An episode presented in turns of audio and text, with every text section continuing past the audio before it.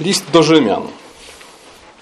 Od początku drugiego rozdziału do dwudziestego wersetu rozdziału trzeciego.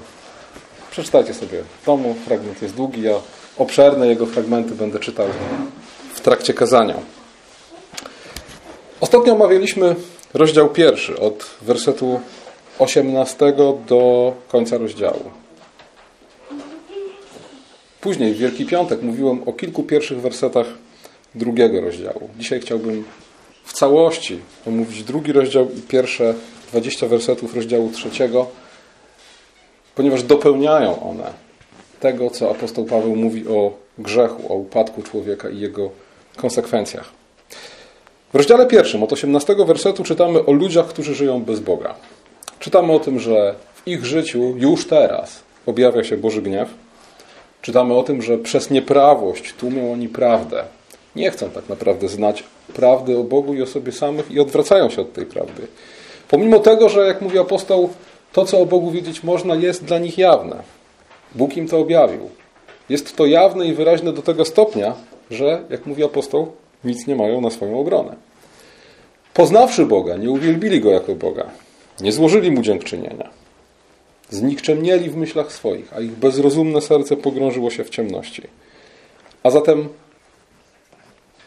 od braku wdzięczności, od braku należnego Bogu uwielbienia,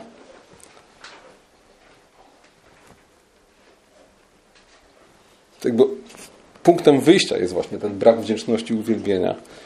Mamy do czynienia z głupotą, bałwochwalstwem, a to wszystko prowadzi do całkowitego moralnego upadku. Kiedy czytamy drugi rozdział listu do Rzymian, widzimy, że ten fragment z kolei mówi o ludziach, którzy zdają się być w zupełnie innej sytuacji. Wierzą w Boga, oddają Mu cześć, znają Jego słowo, znają Jego prawo, znają Jego wolę. W drugim rozdziale od 17 wersetu czytamy. Apostoł Paweł tak pisze do adresata tych słów, do adresata drugiego rozdziału. Mienisz się Żydem, polegasz na zakonie, chlubisz się Bogiem, znasz wolę Jego, umiesz rozróżnić dobre od złego, będąc pouczonym przez zakon. Co więcej, uważasz siebie samego za wodza ślepych, za światłość tych, którzy są w ciemności, za wychowawcę nierozumnych, za nauczyciela dzieci, mającego w zakonie ucieleśnienie wiedzy i prawdy. I teraz, jeśli zestawimy sobie to, co apostoł Paweł mówi o poganach, tak? Którzy przez nieporawość tłumią prawdę, których bezrozumne serce pogrążyło się w ciemności, którzy znikczemnieli, którzy pogrążyli się w głupocie, bałwochwalstwie i upadku moralnym i zestawimy to z tym, co apostoł Paweł pisze o Żydach, mówi, mienisz się Żydem, polegasz na zakonie, lubisz się Bogiem, znasz wolę Jego, umiesz odróżnić dobro od zła itd., tak itd., tak wydaje się, że mamy do czynienia z dwoma grupami ludzi, którzy są w całkowicie różnej sytuacji. A jednak i to jest zaskakujący wniosek, do którego prowadzi nas apostoł Paweł. Nie ma pomiędzy nimi różnicy.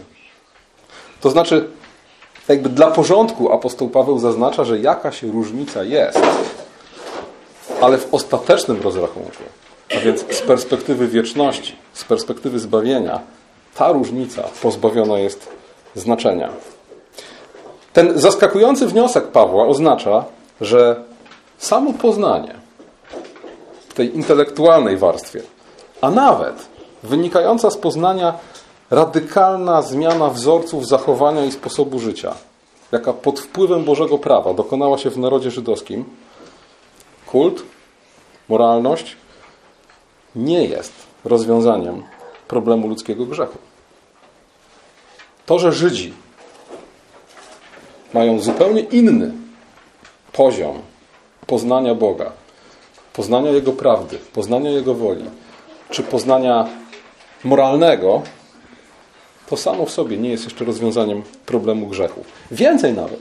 Apostoł Paweł zwraca uwagę, że sytuacja, w jakiej znaleźli się Izraelici, rodzi, nowa sytuacja rodzi nowe grzechy. Po pierwsze, religijną pychę, zadufanie w sobie i wynikającą z niej skłonność do osądzania innych. Mamy tutaj faryzeusza z Jezusowej przypowieści. Panie Boże, dziękuję Ci, że nie jestem jak inni. O tym mówiłem więcej w Wielki Piątek. Zwracam tylko uwagę na to, na co w Wielki Piątek szczególnie zwracałem uwagę, że ta religijna pycha i zadufanie w sobie nie jest problemem Żydów tylko i wyłącznie. Jest problemem każdego człowieka religijnego. Każdego człowieka, który poznał Boga, Jego prawo, Jego wolę i który w swoim mniemaniu, w swoim uświęceniu zaszedł tak daleko, że ma prawo z góry patrzeć na innych. Ale te nowe grzechy, które się pojawiają w nowej sytuacji, to nie tylko religijna pycha, zadufanie w sobie, ale też hipokryzja i jej najbardziej bolesny owoc, jakim jest zgorszenie. Apostoł Paweł do Żydów w drugim rozdziale listu do Rzymian od 21 wersetu mówi tak. Ty, który uczysz drugiego, siebie samego nie pouczasz, który głosisz, żeby nie kradziono, kradniesz, który mówisz, żeby nie cudzołożono, cudzołożysz, który wstręt czujesz do bałwanów, dopuszczasz się świętokradztwa, który się chlubisz zakonem przez przekraczanie zakonu, bezcześcisz Boga, albowiem z waszej winy, jak napisano, poganie bluźnią imieniu Bożemu. A więc słuchajcie, na pierwszy rzut oka mamy dwie zupełnie różne grupy, które są w dwóch zupełnie różnych sytuacjach. Ale w jakiś zaskakujący sposób, apostoł Paweł konkluduje, dochodzi do takiego wniosku, że właściwie nie ma między nimi różnicy. Co więcej, w przypadku Żydów mamy do czynienia jakby z nowymi kategoriami grzechów, zrodzonymi właśnie poprzez poznanie, jakie stało się ich udziałem. Na czym jednak polega ta różnica, o której apostoł wspomina, że jednak jest? W trzecim rozdziale apostoł Paweł pisze, jaki pożytek z bycia Żydem, jaka korzyść z obrzezania i odpowiada. Wielki pod każdym względem. Powierzono im bowiem Słowo Boże, Boże obietnice, a niewierność ludzi nie niweczy wierności Bożej. Zwróćcie uwagę na to, że apostoł Paweł kiedy zaznacza, że jest różnica pomiędzy tymi dwoma grupami, zwraca uwagę na to, co uczynił Bóg dla jednej i drugiej grupy. Zwraca uwagę na to, że Bóg daleko bardziej zatroszczył się o Żydów niż o Pogan. Dał im obietnicę, wyrocznie Boże, Słowo Boże, którego nie dał Poganom. Ale kiedy przechodzi do kwestii zasadniczej, mówi: Nie ma różnicy. Nie ma różnicy. Trzeci rozdział, 22 werset. Gdyż wszyscy zgrzeszyli i brak im chwały Bożej. A więc jedyna różnica, jaką Paweł widzi między Żydami a poganami, to różnica w Bożych obietnicach, Bożej trosce, Bożych wyroczniach. Ale z perspektywy fundamentalnej dla Pawła rozważań, a więc osobistej sytuacji każdego z nas, związanej z grzechem i jego konsekwencjami, nie ma różnicy. Żyd i poganin w tej samej relacji przed Bogiem stoją. W drugim rozdziale od szóstego wersetu czytamy: Bóg odda każdemu według uczynków jego.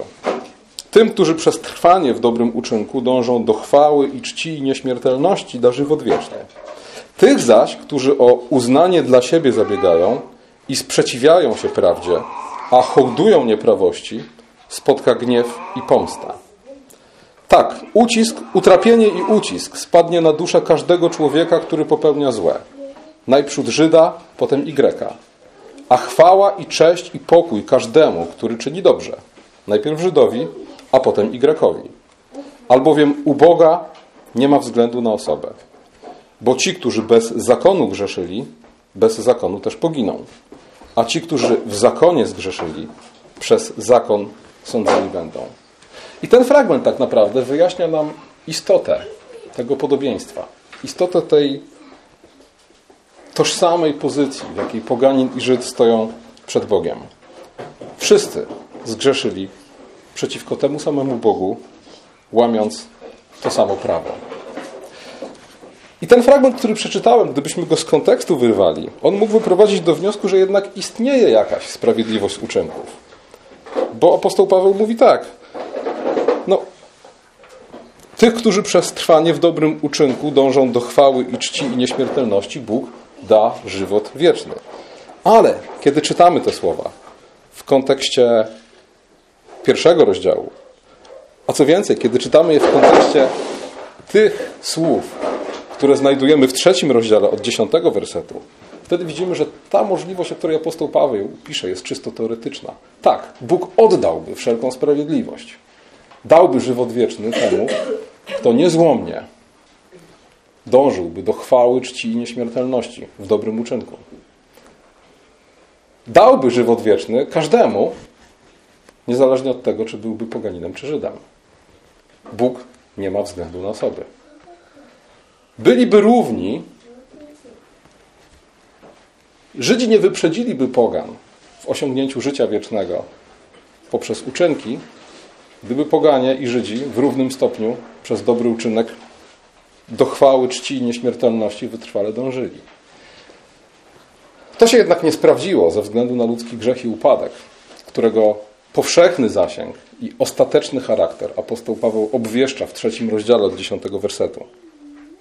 A zatem zamiast równego kroku ku życiu wiecznemu, równemu dla pogan i Żydów, mamy do czynienia raczej z równym krokiem w kierunku piekła. Ponieważ tak jak Bóg nie ma względu na osobę, nie miałby względu na osobę, nagradzając życiem wiecznym każdego, kto dochowa mu posłuszeństwa, tak też nie ma względu na osobę, karząc potępieniem każdego, kto mu się sprzeciwia. Którzy bez zakonu zgrzeszyli, apostoł Paweł mówi, bez zakonu poginą.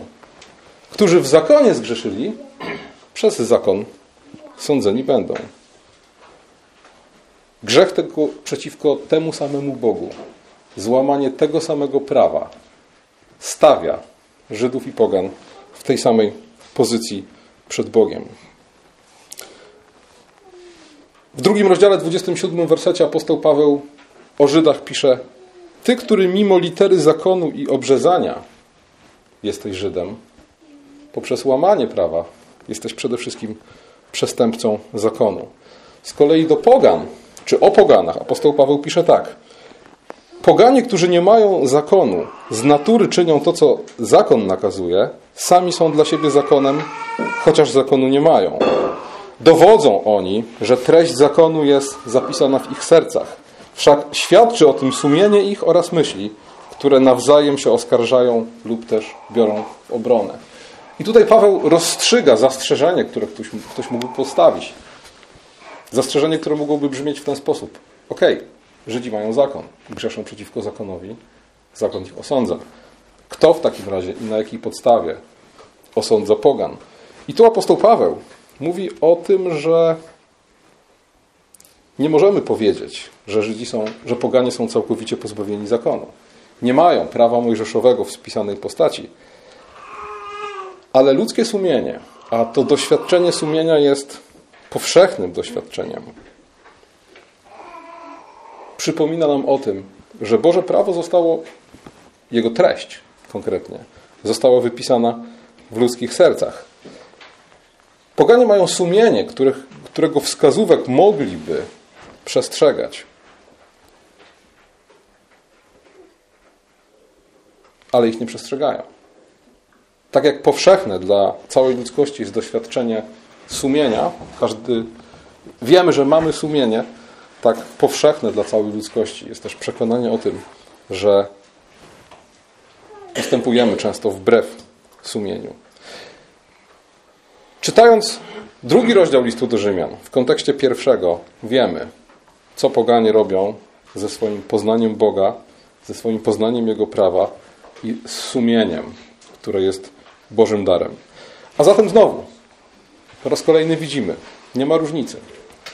Każdy z nas otrzymał od Boga, niezależnie od tego, Żyd czy poganin, poznanie Boga. Każdy z nas otrzymał Jego prawo, choć w różnej formie. Każdy człowiek wypisany w sercu, Żydzi dodatkowo, wypisane na kamiennych tablicach. W jednym i w drugim wypadku Bóg bez oglądania się na osoby gotów jest nagrodzić każdego, kto czyni sprawiedliwość i ukarać każdego, kto czyni niesprawiedliwość. I w jednym i w drugim przypadku widzimy, że żaden człowiek, niezależnie od tego, czy jest poganinem czy Żydem, nie stanął na wysokości zadania, nie odpowiedział Bogu wdzięcznością i posłuszeństwem na miarę poznania, jakie od Boga otrzymał. A zatem apostoł Paweł mówi: Nie ma różnicy.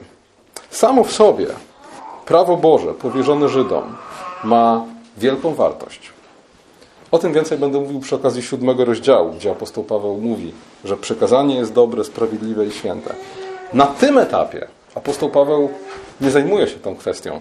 Stwierdza tylko, chlubisz się zakonem, dobrą rzeczą, którą otrzymałeś, przez zakon sądzony będziesz, bo jesteś przestępcą zakonu. Chlubisz się obrzezaniem? Obrzezanie jest pożyteczne, mówi apostoł Paweł w 25 wersecie. Ale wtedy, kiedy przestrzegasz zakonu. Jeśli jesteś przestępcą zakonu, obrzezanie Twoje stało się nieobrzezaniem. Nie ten jest Żydem, mówi apostoł w 28 wersecie, który jest nim na zewnątrz, i nie to jest obrzezanie, które jest widoczne na ciele, ale ten jest Żydem, który jest nim wewnętrznie. I to jest obrzezanie, które jest obrzezaniem serca w duchu, a nie według litery. Tak jak poganie porzucili, czy odwrócili się od poznania Boga, które otrzymali. Nie uwielbili Boga, nie okazali Mu dziękczynienia. Porzucili prawdę. Sumienie, ślad Bożego prawa wypisanego w ludzkich sercach oskarża ich dzisiaj przed Bogiem. Tak Żydzi odrzucili Słowo Boże, prawo Boże przekazane im przez Mojżesza, nawet jeśli na zewnątrz wydają się przy nim trwać. Apostoł Paweł mówi: Chlubisz się zakonem? Uważaj, jesteś przestępcą zakonu. Chlubisz się obrzezaniem? Uważaj, Twoje obrzezanie w oczach Bożych stało się oskarżeniem, bo będąc obrzezany, a przez obrzezanie zobowiązany do posłuszeństwa Bogu, okazujesz mu nieposłuszeństwo. To wszystko prowadzi do konkluzji, którą apostoł Paweł zawarł w 20 rozdziale trzeciego wersetu. Z uczynków zakonu nie będzie usprawiedliwiony żaden człowiek. To jest ten ostateczny wyrok. Niezależnie od tego, czy jesteś poganinem, czy jesteś Żydem, w swojej sprawiedliwości nie możesz stanąć przed Bogiem. Od dziesiątego wersetu trzeciego rozdziału apostoł Paweł pisze tak. Nie ma ani jednego sprawiedliwego. Nie masz, kto by rozumiał. Nie masz, kto by szukał Boga.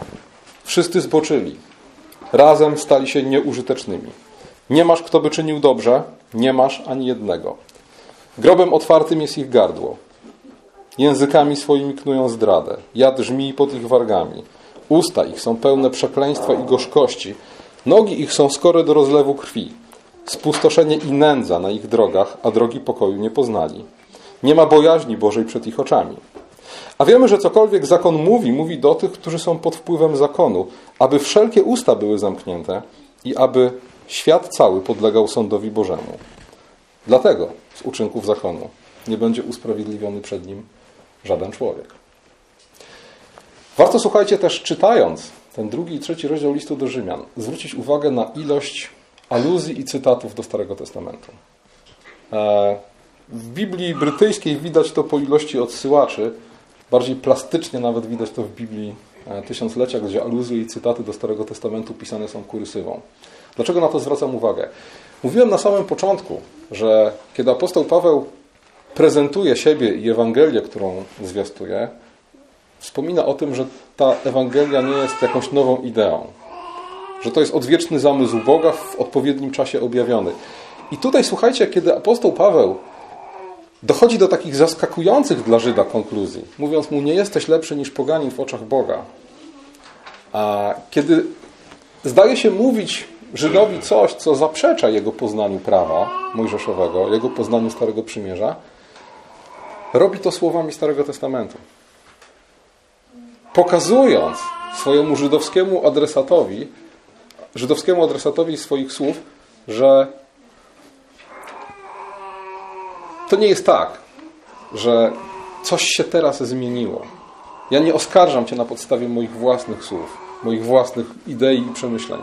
Oskarżam Cię na podstawie Starego Przymierza, któremu wierność wyznajesz i deklarujesz.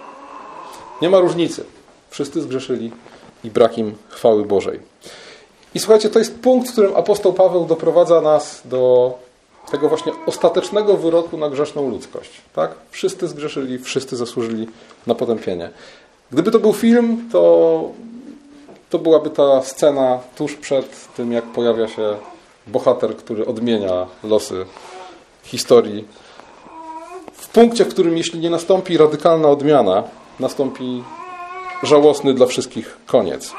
Sprawiedliwe potępienie całej ludzkości na podstawie jednego Bożego prawa, choć w dwóch różnych danego postaciach. Śmierć, grób i piekło. Ale w tym momencie wkracza Chrystus i od tego momentu apostoł Paweł od grzechu, upadku jego konsekwencji przechodzi do usprawiedliwienia z wiary, do odkupienia, które dokonało się w Chrystusie, do jedynej nadziei człowieka, każdego człowieka, niezależnie od tego, czy jest Żydem, czy poganinem. Ci, którzy przez własną sprawiedliwość szukają, ci, którzy w sobie sami, samych, w swoich uczynkach szukają sprawiedliwości, odnaleźć mogą jedynie śmierć i potępienie, ale w Chrystusie odnaleźć mogą usprawiedliwienie i życie wieczne. Na marginesie tego, o czym dzisiaj mówiłem, chciałbym zwrócić uwagę Wam jeszcze na dwie kwestie, które trochę marginalnie, trochę na zasadzie e, pewnej dygresji pojawiają się w tym omówionym przeze mnie dzisiaj fragmencie. Pierwsza rzecz to jest kwestia prawa naturalnego. Apostoł Paweł, pisząc o poganach, pisze, że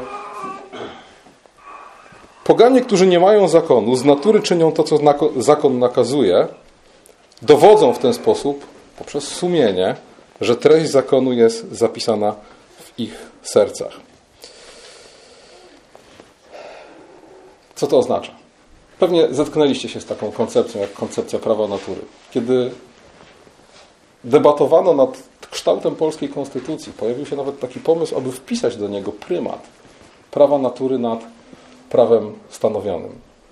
Oczywiście wywołuje to dużo dyskusji. Dla nas, jako chrześcijan, często to prawo natury jest takim e, na tyle mało wyraźnym, e, na tyle mało wyraźną ideą, na tyle mało wyraźnym konceptem, że jesteśmy podejrzliwi wobec niego. No bo co by to miało oznaczać, prawo natury?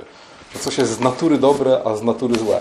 Brakuje nam tutaj tego, do czego jesteśmy słusznie przyzwyczajeni, rozsądzającego autorytetu słowa, które mówi, co jest dobre, co jest złe.